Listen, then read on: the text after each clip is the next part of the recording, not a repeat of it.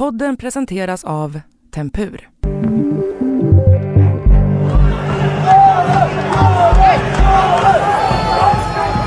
Inför Australian Open har helvetet brakat löst för den serbiske tennisstjärnan Novak Djokovic. Visumtrassel, karantän och bråk om vaccinpass. Alltsammans eskalerade ytterligare när det framkom att han dessutom struntat i ett positivt covid-test. Djokovic was denied entry into the country after an hours long detainment at the Melbourne airport. Inför tennisturneringen Australian Open som drar igång på måndag så hotas nu världsettan serben Novak Djokovic att deporteras från Australien. På en kvart får du veta hur idrotten och ett annalkande OS påverkas av pandemin och varför världsettan i tennis kallas lögnare. He's a lying, sneaky asshole. Det är fredag den 13 januari. Jag heter Erika Treis och du lyssnar på Dagens Story från Svenska Dagbladet.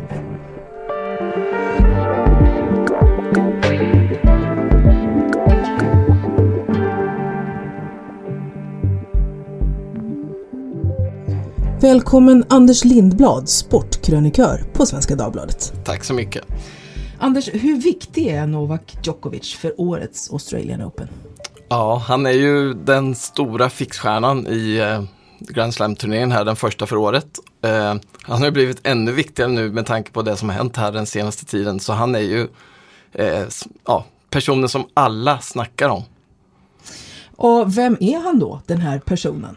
Han är redan en av tidernas bästa tennisspelare. 34 år från Serbien, har vunnit 20 Grand Slam-titlar, varav 9 i just Australian Open då, så han är ju en fixstjärna, kanske en av världens mest kända idrottare då tennisen är ju en av de största idrotterna globalt sett. Vad är det som gör honom så bra på tennis? Han är, som jag tycker då, väldigt allround. Eh, behärskar allt i tennisen eh, spelmä spelmässigt då. Han eh, Bra serve, bra volley, bra backhand, bra forehand. Han är liksom verkligen mångsidig och eh, en vinnartyp också såklart.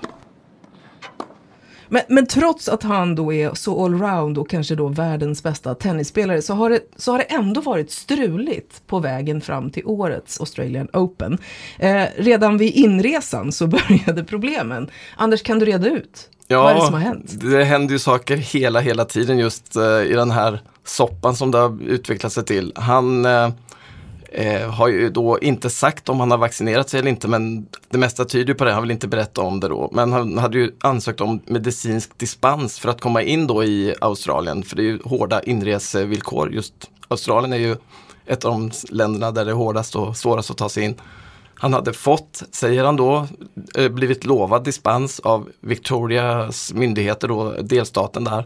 Eh, men när han kom till flygplatsen så stoppades han där och sattes i karantän då myndigheterna där tyckte att uh, hans papper inte var godkända helt enkelt för att få dispens. Men varför har inte Novak Djokovic ett gällande vaccinpass då som de flesta andra? Ja, han har ju inte sagt då om han har vaccinerat sig men det mesta tyder på att han inte har gjort det då eftersom han ansökt om dispens istället. Och han är ju en av de här idrottarna som inte vill vaccinera sig. Det är många som tycker att de, eh, de mår bra, de behöver inte vaccin och eh, han menar ju på då att han har haft covid två gånger, varav senaste gången då här i december här bara för ett tag sedan. Mm. Men, men han, han, lyckades ju trots allt ta sig in i landet och, och det diskuteras ju om det var på falska premisser. Ja, det är ju där man undrar hur han verkligen har fått den här dispensen och med hjälp nu då av sina advokater eh, påvisat att han har tagit ett positivt test den 16 december. Men det är ju många tveksamheter just runt det här testet också, om det verkligen var på riktigt eller om det är manipulerat i efterhand. Det är också en grej som har växt, allt, växt sig allt större nu då. Men manipulerat, alltså han ska ha tagit ett test som är positivt och ändå på något vis visat sig i offentligheten, eller vadå? Ja, han, eh, det är det som är väldigt eh, jobbigt för Djokovic just nu då, att han, han tog ett test, säger han då, eh, 16 december eh, testades positivt men sågs både dagen efter och två dagar efter i olika offentliga sammanhang. Eh, delade ut priser till olika ungdomar i Serbien. Gjorde en intervju med eh, L'Equipe, en stor sporttidning, fransk sporttidning. två dagar efter och det har han bett om ursäkt för. Samtidigt då så eh, frågar man ju sig då, var han verkligen positivt Eh, smittad eller har de konstruerat ett eh, positivt testresultat i efterhand för att han ska få den här dispensen? Och det är där som tveksamheterna handlar om just nu. Mm. Intressant och någonting som också har upprört inte bara en hel sportvärld. Men, men jag tänker på det här klippet som har blivit viralt som kommer från Seven Network. Och där är det ett antal, eller två programledare ska jag säga, som på något sätt innan de drar igång börjar eh, prata. He's a lying, sneaky He's an asshole. asshole. He's an asshole. Like whatever way you look at it, it's Yeah. unfortunate that that everybody else stuffed up around him. That, that's it. I mean, he's an asshole. Eh, och de säger massor med saker. Bland annat att han är en lögnare. Eh, vad, vad tror du om det? Finns det en risk att Djokovic i och med det här blir någon slags symbol för antivax-rörelsen? Absolut, han har blivit det och eh, det kan man ju tycka vad man vill om att eh, just då att han står för den här sidan då som tycker att hela den här pandemin är eh, tvivelaktig och vaccinationerna är tvivelaktiga och så här. Alltså det finns ju regler att följa. Eh, ska man komma in i Australien så måste man ha eh, ett giltigt vaccinpass eller Och det borde gälla även för idrottare, tänker du? Exakt, och det är ju det som är problematiskt då att eh, en annan av tennisspelarna som skulle spela Australian Open, en tjeckisk eh, på damsidan då, blev ju faktiskt hemskickad. Medan Djokovic med hjälp av sina advokater, han har kanske lite bättre juridisk stab runt omkring sig, lyckas då få den här inres eller få det här visumet så att han ändå är på plats i Mm. Australien och inte hemskickad då. Än så länge får vi väl säga. Än så länge. Eh, men du, i hans hemland Serbien då, för det är ju också ett hårt covid-drabbat, eller de har drabbats väldigt, väldigt eh, hårt av den här pandemin. Eh, så har människor också demonstrerat. Eh, vad vet vi om det? Ja, han ses ju som en hjälte i Serbien och han ses ju, jag skrev en krönika om det här, jag tycker det är hans tvivelaktiga beteende och jag fick massor med mejl från personer som tyckte att jag hade helt fel och det är Djokovic som kommer att ha rätt när det här är över, det, det kommer att visa sig, skriver de då till mig. Så att det finns ju verkligen en polarisering i den här frågan. Det är inte alla som tycker att han gör fel utan många tycker att han är en frihetshjälte och står upp för friheten och och de här demonstranterna, ja, de här demonstranterna i hemlandet, de vill att han ska få Ja spela. gud, de är ju på hans sida och även Serbiens president har ju då gått ut och sagt att det här är en smutskastning av eh, Serbien som land och eh, det har blivit eh, diplomatiska eh, problem då mellan Australien och Serbien här nu i den här hela härvan och eh, demonstranterna även i Australien, det är många som står på Djokovics sida och demonstrerar för hans rättighet att få spela och få vara i Australien. Mm. Han har ju varit i blåsväder förr onekligen. Men, men vad tror du om den här uppladdningen inför det han trots allt ska prestera på Centercourt? Påverkar det här hans möjlighet att bli historisk? Det borde ju göra det med tanke på att han faktiskt har suttit då inlåst mer eller mindre på ett eh, smutsigt karantänhotell som han själv har sagt. Eh. Men jag tror att han är så pass stark mentalt så att det här blir nästan mer som tändvätska för honom. Tennisen då? Eh, som sport, den här vita gentlemannamässiga idrotten som, som lite grann har kanske just varit Ja, man, man vill göra rätt och man vill vara lite finare än andra. Hur påverkas det? Det är klart att eh, tennisen påverkas av hela den här eh, härvan då men eh, jag tror att det är mer att det är Djokovic själv som eh, liksom är, han sticker ju ut. Det är bara han i världstoppen då som vägrar att då vaccinera sig så att jag tror inte tennisen drabbas utan det är mer den här polariseringen just det Djokovic står för gentemot alla andra då i tennisen. Men medan idrottare på elitnivå ofta tvingats isolera sig för att inte själva smittas eller smitta andra så har turneringar och läger för barn och unga ofta helt frusit inne. Åtgärder som kan komma att påverka folkhälsan för lång tid framöver. Idrotten har ju drabbats så väldigt hårt av pandemin. Många kanske bara ser till elitidrotten som tappar då publik. Eh, de kompenseras ju de här klubbarna ekonomiskt, eh, även om de inte kan få alla intäkter kompenserade. Men det som jag tycker är mest oroande det är just den här barn och ungdomsidrotten som drabbas ännu hårdare med inställda träningar, inställda matcher, läger, kupper, allting det här. Eh, det kom ju, siffrorna är inte klara än hur många deltagartillfällen som försvunnit 2021. Men 2020 så gick eh, deltagarantalet i träningar ner med ungefär 15 till 20 procent.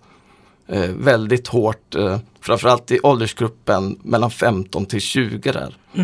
Det låter ju som ett samhällsproblem också. Detta. Ja, och det blir en tuff väg för idrotten att hitta, ja, komma tillbaka igen med tanke på att många kanske slutar under de här åren då som vi har drabbats av pandemin. Så att jag tror att det är en väldigt stor utmaning för just eh, ja, den här stora eh, breddidrotten att få tillbaka lika många deltagare igen.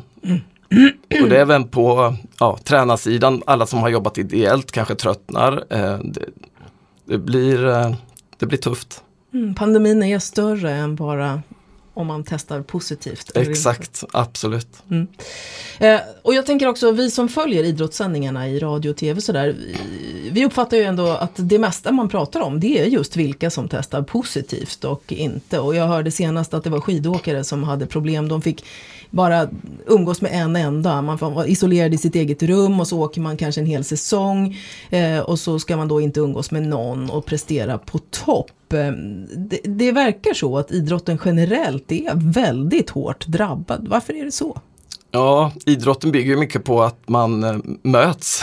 Eh, man träffar motståndare, konkurrenter, man reser väldigt mycket runt om. Se på till exempel ja, världscuperna i de här vintersporterna, de är ju på olika orter i princip eh, varje vecka. Eh, de utsätter sig också för hård träning. Eh, vilket påverkar kanske immunförsvar och så här. Men framförallt också så på elitsidan framförallt då så de, man testar ju extremt mycket. Så där upptäcks ju också eh, alla fall. Det är många elitidrottare som testas positivt fast de inte har några som helst symptom. Så att eh, där, där syns det mycket mer. Matcher ställs in, eh, upp eller skjuts upp. Det är ju liksom varje dag man ser hela tiden att eh, det blir bara värre och värre just nu. Vet du någonting om den psykiska påverkan som det här skulle kunna ha med tanke på att man då inte ska eh, umgås med någon och samtidigt leva så isolerat som under till exempel alltså för skidskyttar Mm. eller längdskidåkare eller liknande? de är ju så vana de här, eh, framförallt då på toppnivå, att eh, anpassa sig. Så jag tror att de klarar sig, men visst, det kommer nog att märkas om kanske ett eller två år vad, vad det här har betytt rent mentalt också. Men Det är det vi kommer att prata Ja. om nästa gång vi ses. Kanske. ja, exakt. Och jag tänker också att vi ska hinna med att prata lite grann om OS i Peking för det kommer ju allt närmare. Vad, vad kommer att gälla för att ens få delta? Ja, OS i Peking kommer att bli de mest rigorösa spelen någonsin. Det är extrema eh, restriktioner. Eh, för att få åka dit så krävs, för det första måste du vara dubbelvaccinerad minst med två vaccindoser för alla, även eh, journalister som ska dit då. Eh, du måste visa två negativa covid, eh, corona tester för, före avresan. Du testas när du landar. Sen kommer du testas varje dag under OS. Du får inte hålla dig utanför den här OS-bubblan som skapas. Man får inte alltså turista eller se någonting av Kina utan man, man kan säga att OS i, i Peking då det är liksom en jättebubbla.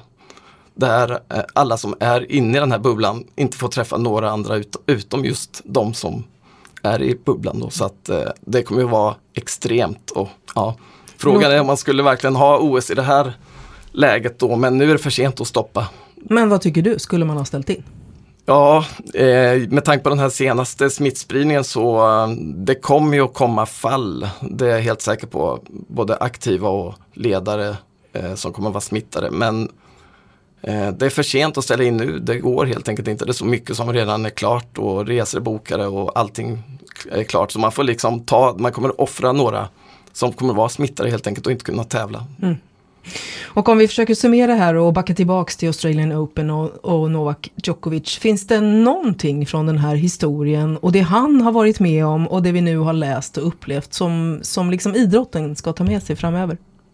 Ja, jag tror att den här historien på något sätt visar eh, hur svårt det är att ta sig vägen ut ur pandemin för idrotten och kanske för övriga samhället också. Hur mycket ska man eh, testa exempelvis hur, vilka regler gäller. Det är ju olika regler för varje land om man nu ska börja resa igen då. Eh, han har ju blivit en slags symbol för eh, vägen ut på något sätt. Alltså många tycker då att han har rätt. Eh, att man måste på något sätt leva som det var förr medan andra tycker att han är eh, helt galen som inte gör som man borde.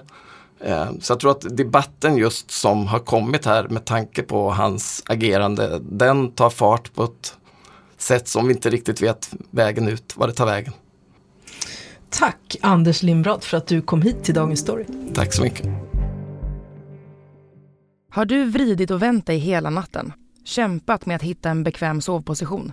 Sängen kanske känns hård och obekväm? Eller alldeles för mjuk?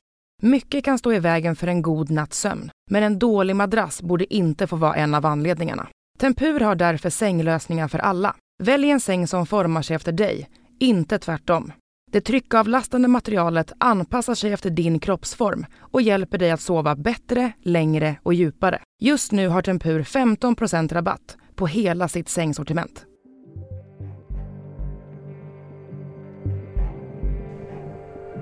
Dagens program producerades av Elin Romeliotto, redaktör var Teresa Stenler von Matern och jag heter Erika Treis. Vill du kontakta oss så mejla till dagensstory.svd.se. Idag är klippen hämtade från Seven Network, ABC News, Aftonbladet, Sveriges Radio och Sveriges Television.